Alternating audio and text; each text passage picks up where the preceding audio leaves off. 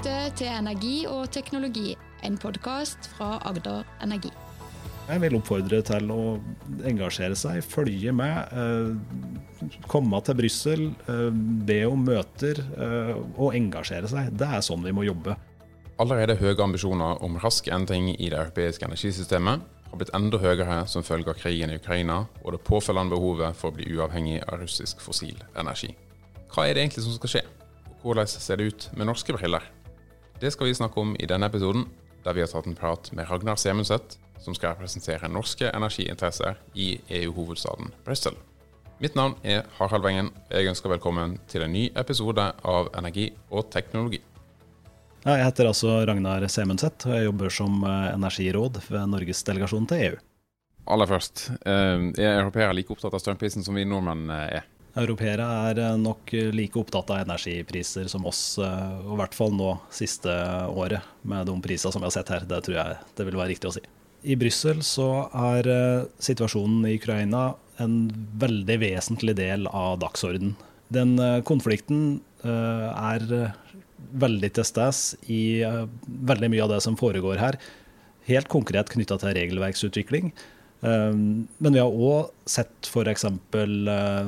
president Zelenskyj i Europaparlamentet holdt innlegg for Europaparlamentet. Det har han gjort for mange parlament etter hvert. Men eh, her så blir han da møtt med stående eh, ovasjoner, egentlig. Og der er òg eh, kommisjonspresident Ursula von der Leyen og eh, mange sentrale beslutningstagere.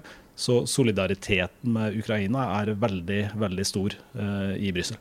Og det har da kommet til uttrykk gjennom eh, den beslutninga om å fase ut egentlig all russisk eh, fossil eh, energi eh, innen 2030. Hva kan du si om hvordan en skal oppnå det? Nei, For EU sin del så er jo situasjonen den at EU-landa importerer mesteparten av den energien de, de bruker. Importavhengigheten er egentlig høyere nå enn den har vært noen gang før. Så det er utgangspunktet for den øvelsen EU nå er inne i. På gassida f.eks. så er det sånn at EU importerer 90 av sitt eh, gassforbruk. Uh, Russland ikke mer enn 40 av EU sitt totale gassforbruk. Og vi prater jo altså da om uh, eh, 155 milliarder standard kubikkmeter gass, BCM som vi kaller det, hvert år. Dette er helt enorme energimengder. Og I tillegg så importerer da EU-landa køl og olje, men her er det da innført sanksjoner for å få slutt på, på det. Hvordan skal dette skje i praksis? Kommisjonen la jo da fram uh, Repower EU, som den blir kalt. En uh, melding som kom den 8. mars. Uh, hadde nok ikke så mye med kvinnedagen å gjøre, tror jeg, men det var da den, den kom, i hvert fall. Og der peker kommisjonen på egentlig at det er mulig å gjøre seg uavhengig av russiske energikilder. Måten å gjøre det på er konkretisert ytterligere gjennom en ja, skal vi si, oppdatert variant av Repower EU som kom 18. mai og Der peker kommisjonen da på en, på en rekke tiltak de kan eh, gjøre. Og uh, Svaret er jo egentlig at EU må jobbe med veldig mange uh, ting parallelt for å kunne oppnå dette. Så de skiller da mellom kortsiktige tiltak, uh, tiltak på mellomlang sikt, og mer langsiktige tiltak. Og Når det gjelder da det kortsiktige, så er jo situasjonen rett og slett den at EU er nødt til å skaffe seg mye gass for å erstatte den russiske. Og at veldig mye av det må være i form av LNG, eh, flytende naturgass. De vil òg eh, importere mer rørgass. Vi leverer jo mer gass fra Norge nå enn det vi har gjort eh, tidligere. Men det har òg konsekvenser av typen at han må bruke køl lenger enn det han hadde sett for seg. Eh, noen land eh, utsetter avviklinga av kjernekraft eh, f.eks., og energisparing vil òg måtte være en del av, dette. Du er, du er inne på litt av problemstillingen. Det her med energisikkerhet, som nå har kommet veldig langt, eller som, som egentlig står øverst på agendaen, har jo hele tida vært en viktig del av EUs energipolitikk. men den har på en måte tre bein eh, gjennom at den skal være både du skal ha energisikkerhet, den skal være eh, rimelig for forbruker, og så skal du oppnå eh, klimamål. Eh, hvordan ser du på balansen mellom de tre formålene eh, nå? Eh, det er jo ingen tvil om at balansen kanskje forskyves litt i retning av at forsyningssikkerhet blir vektlagt mer enn tidligere. Samtidig så er det klart at EU prøver å oppnå dette uten å ta knekken på den grønne given, som jo tross alt er en hovedsak for den sittende kommisjonen. Og Det ser vi jo særlig på disse tiltakene han ser for seg på mellomlang og lengre sikt. For det handler jo nettopp om å eh, energieffektivisere mange tiltak i byggsektoren f.eks. Men òg en massiv utrulling av fornybar energi eh, og mer produksjon av solenergi, av vindkraft. Biogass pekes det på.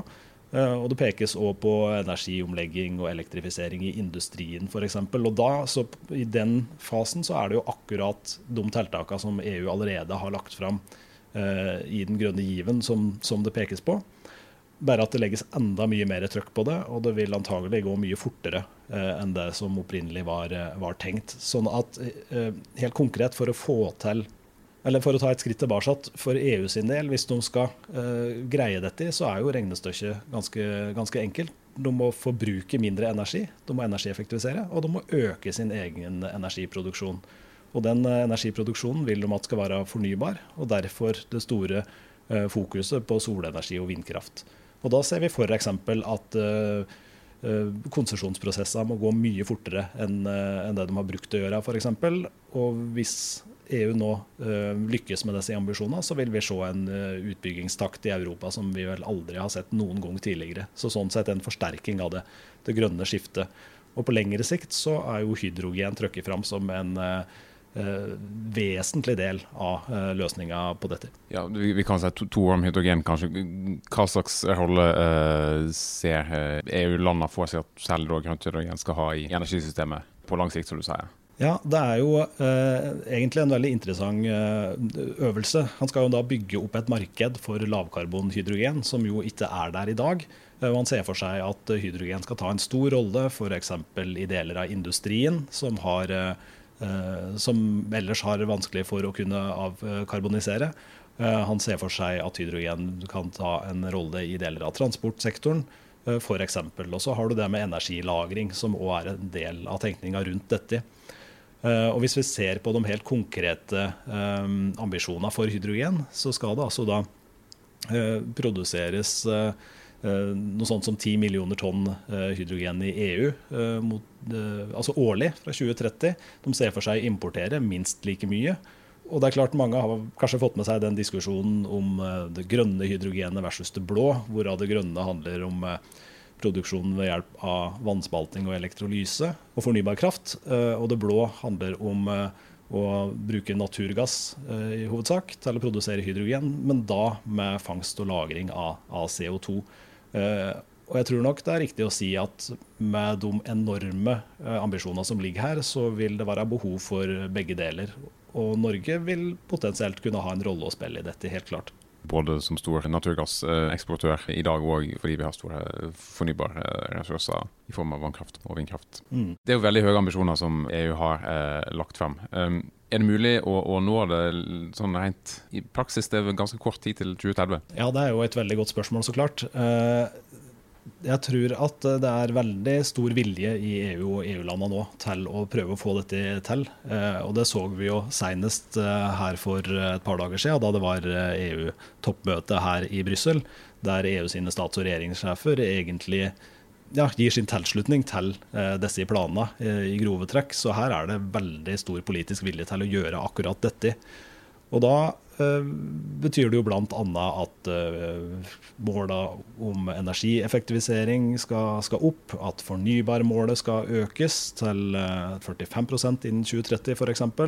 Det betyr jo da at han skal etablere egne områder, eller at medlemslandene skal gjøre, der han ser at det er spesielt godt tilrettelagt for produksjon av fornybar energi. Og i disse områdene så skal konsesjonsbehandlinga gå veldig fort. Eh, det snakkes om i utgangspunktet da et års konsesjonsbehandlingstid. For en del eh, solenergi så skal det gå enda fortere, egentlig. Kommisjonen foreslår forpliktende regler for eh, å få solceller på hustak f.eks. Og en del av disse eh, solkraftutbygginga i enkelte spesielt egna områder, det skal egentlig bare ta tre måneder. Så her skal det gå veldig, veldig fort. Så ja, realist, realismen eh, er det noen som stiller spørsmål ved, det er riktig. Eh, men at ambisjonen er der, og at det er en sterk, sterk politisk vilje til å gjøre dette, det er det ingen tvil om. Hvordan ser du på mulighetene for norsk fornybar energi på lengre sikt, som i Europa? Nei, jeg tenker at uh, For AS Norge så er den utviklinga som skjer her nå, veldig interessant, og ikke minst på fornybarsida. Det er klart EU ønsker å øke sin uh, egenproduksjon av fornybar energi. De ønsker å importere mer av det. De ønsker jo uh, å ja, Se f.eks. på havvind. Store ambisjoner der. Mye av vindkraftutbygginga i EU vil komme til havs. Eh, vi ser store ambisjoner i eh, mange land, deriblant eh, både Belgia og Nederland, Tyskland. Danmark er jo veldig, veldig på.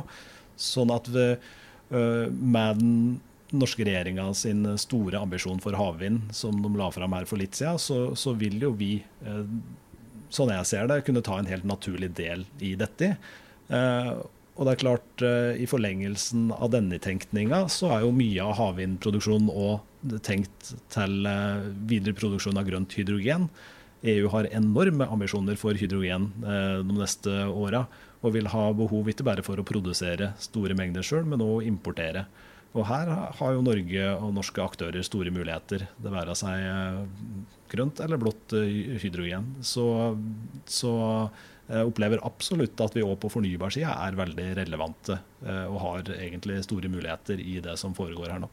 Det er helt åpenbart. Og så er det en del avveininger som en vel ikke slipper unna, verken i Norge eller i de europeiske landene. F.eks. mellom natur og miljø og klimaaspektet, som du var inne på med, med sånne go to areas for uh, fornybarutbygging. Der har en jo hatt en tilsvarende mekanisme i, i, Norge tidligere gjennom den nasjonale rammen for vindkraft, som viste seg å ikke, ikke få den effekten som en kanskje hadde håpet fra myndighetenes side. Så det kan kanskje være en, en erfaring å, å spille inn eh, til EU-systemet. Ja, jeg tror det er eh, helt åpenbart at uh, alt som har med energi og energiutbygging, har sine negative konsekvenser. Det er det ingen tvil om. Og det gjelder òg det fornybare, så klart. Vi har jo sett en diskusjon om vindkraft i, i Norge. Det er jo um, ikke umulig at du vil se tilsvarende diskusjoner òg i uh, Europa, med den store utbygginga som det nå ser for seg. Ehm, men igjen så, så, er det da, ehm, sier kommisjonen, en pris som vi må betale, eller som EU og de europeiske landene må betale, for å oppnå målet å gjøre seg uavhengig av russiske energiforsyninger. Men, eh, men det er jo helt åpenbart at alle energiformer har sine ulemper, og at det har negative kostnader. Og det eh, tror jeg han er tjent med å være helt eh, åpen om. Det er vanskelig å se for seg en eh, så massiv utbygging uten at det har noen som helst negative konsekvenser, f.eks. For, for biologisk mangfold. For å gå tilbake til den trekanten vi har snakka om mellom liksom, affordable, uh, secure and sustainable energy, for å ta den engelske varianten av det. Det at det skal være affordable, har jo, det har jo vært alt annet enn det. Det har vært uh, så høye energikostnader for forbrukerne som aldri før det siste året. og, og i god tid før invasjonen av Ukraina. Hvordan vil en klare å forene det hensynet fremover? Tenker du, Hva er planen uh, for det på europeisk nivå? Dette er jo et spørsmål som uh, alle medlemsland og kommisjonen har vært veldig opptatt av det siste året. Hvordan uh, han kan forhindre at regninga blir for høy for for forbrukere særlig. Og det er innført mange tiltak i, i mange land. Så sånne oversikter eh, er det, er det lett å, å, finne for den som er interessert i å se hvilke modeller som er verdt. Uh, og så tenker jeg at Fra kommisjonen sin side så det, har det òg vært vesentlig å kunne oppnå det og samtidig bevare uh, et velfungerende uh, energimarked. Så det er noen avveininger der. Så dette har vært diskutert i mange, mange, mange EU-møter de det siste året.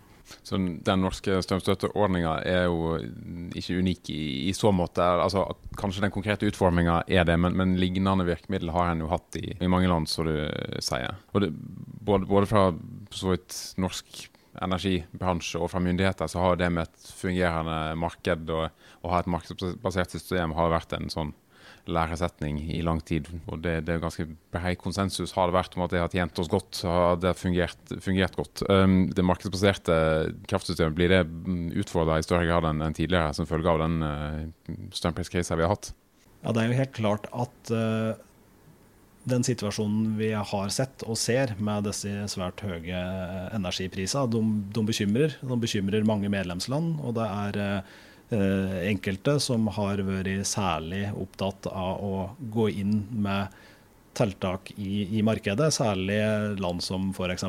Spania har vært veldig ivrig på det, mens vi vel ser en tendens til at eh, en del andre land, eh, deriblant de nordiske, har vært mer opptatt av at eh, dette må vi greie å få til uten at vi eh, ødelegger markedet. Så jeg skal være forsiktig med å spå om, om framtida her, men det er i hvert fall en observasjon. det strømpriskrisa og hele tiltakene for å møte det, og tiltakene for å bli uavhengig av eh, fossil energi fra Russland, påvirker jo Norge både direkte og indirekte. Hvordan er det å jobbe for eh, Norges interesser i EU-systemet i en sånn situasjon? Nei, det har jo vært et eh, spesielt år og en veldig spesiell vår i Brussel, det må jeg si. Så samtidig så, så er det jo egentlig takknemlig å få lov til å representere norske energimyndigheter i, i Brussel. Eh, for Norge generelt, eh, altså vi er jo en, en, del av dette. Vi er jo da ikke EU-medlemmer, som, som, kjent, men vi er med i EØS, hvilket innebærer at vi er en del av det indre markedet. Eh, vi er en del av EU sitt energimarked. Og det er helt klart at Kommisjonen ser på Norge som en uh, veldig tett, god og seriøs alliert. Og kanskje særlig i disse tidene vi nå har vært gjennom og, og, står i, der kontakten mellom Norge og EU har vært enda tettere enn den har brukt å være. Vi har hatt veldig mange møter. Og det handler i stort om at EU ser på oss som en veldig god alliert i den situasjonen vi er i nå. Det er vel kortversjonen, da. Er det samtidig en fare for at når EU skal utvikle politikk og, og, og gjennomføre klima- og energisikkerhetstiltak i ganske omfattende skala veldig raskt, um, at Norge som utenforland blir enda mer av et utenforland, nettopp fordi at en ikke er med i EU, at det er vanskelig å, å henge med? Ja, eh, Godt spørsmål, egentlig. Og svaret er jeg veit ikke. Litt eh, ja og nei, kanskje. På én måte så er det jo um, helt klart at vi er sett enda mer pris på. og Det har kommisjonen vært veldig tydelige på og sagt helt konkret at det vi gjør fra norsk side og for å, for å bidra her, det settes det stor pris på. Uh, samtidig så er det klart at uh, hastigheten på initiativer og dokumenter som publiseres i, i Brussel, det, det, går fort i svinga her. Og det er vanskelig, eller i hvert fall, i hvert fall må vi jobbe hardt for å følge med, det kan jeg si. Og pga. denne hastigheten så, så, må vi jobbe enda hardere enn en før. Og ikke minst fordi at beslutninger tas så raskt. Hvis vi ønsker å spille inn ting fra norsk side, så må vi kanskje være enda raskere på og komme inn med våre, uh, våre innspill. Så, så, det er jo en utfordring. Men, uh, men så, sånn er det jo. Medlemslandene får jo så klart de, de sitter jo i i rådet. Eh, de er jo representert i parlamentet. De, får, de er jo en del av denne prosessen. Eh, og får sånn sett eh, uansett tilsendt alt de trenger å ta stilling til. De føler nok kanskje at de drukner litt i det, de òg, for nå er det mye. Men fra norsk side så må vi av og til jobbe litt for faktisk å fange opp alt som er i sirkulasjon, og alt som er relevant for oss. Og den utfordringa den er nok ikke mindre nå enn den bruker å være. Hva er da det viktigste som norske myndigheter og bedrifter og aktører og organisasjoner kan gjøre for å henge med i, i svingene når ting skjer enda raskere enn før i, i, EU? Nei, Det korte svaret på det er at vi må følge med. Og vi må interessere oss. Og, og vi må være en del av debatten. Vi må spille inn eh, norske synspunkter på ting som vi har meninger om. Og her er det mye med høy relevans for oss som vi bør ha meninger om. Eh, kommisjonen eh, jobber jo veldig åpent, egentlig, på, på, mange måter. Det er jo helt ordinære høringsprosesser. Der kan hvem som helst spille inn. Uh, EU-parlamentet òg er en veldig åpen institusjon. Det er ikke noe problem i det hele tatt å ta kontakt med europaparlamentarikere, sende noen e-poster, gi eh, norske synspunkter, uh, innspill. Sånn, sånn, føler jeg at vi bør jobbe, og enda mer enn vi kanskje gjør til vanlig. men det krever en liten innsats.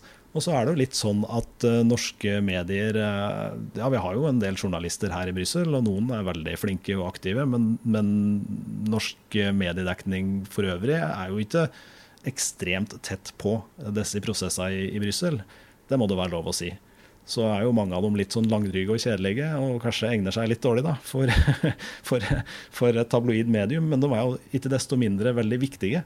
Så jeg vil oppfordre til å engasjere seg, følge med, eh, komme til Brussel, eh, be om møter eh, og engasjere seg. Det er sånn vi må jobbe.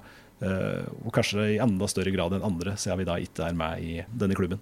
Et tydelig budskap fra Ragnar Sebuseth der til slutt. Da gjenstår det bare for meg å takke for at du har lytta til oss, og minne om at du kan finne alle våre episoder der du vanligvis lytter til podkast, eller på ae.no. Dersom du syntes denne episoden var interessant, er du kanskje også interessert i episoden vi spilte inn i mars i år, like etter at Repower EU ble lagt fram.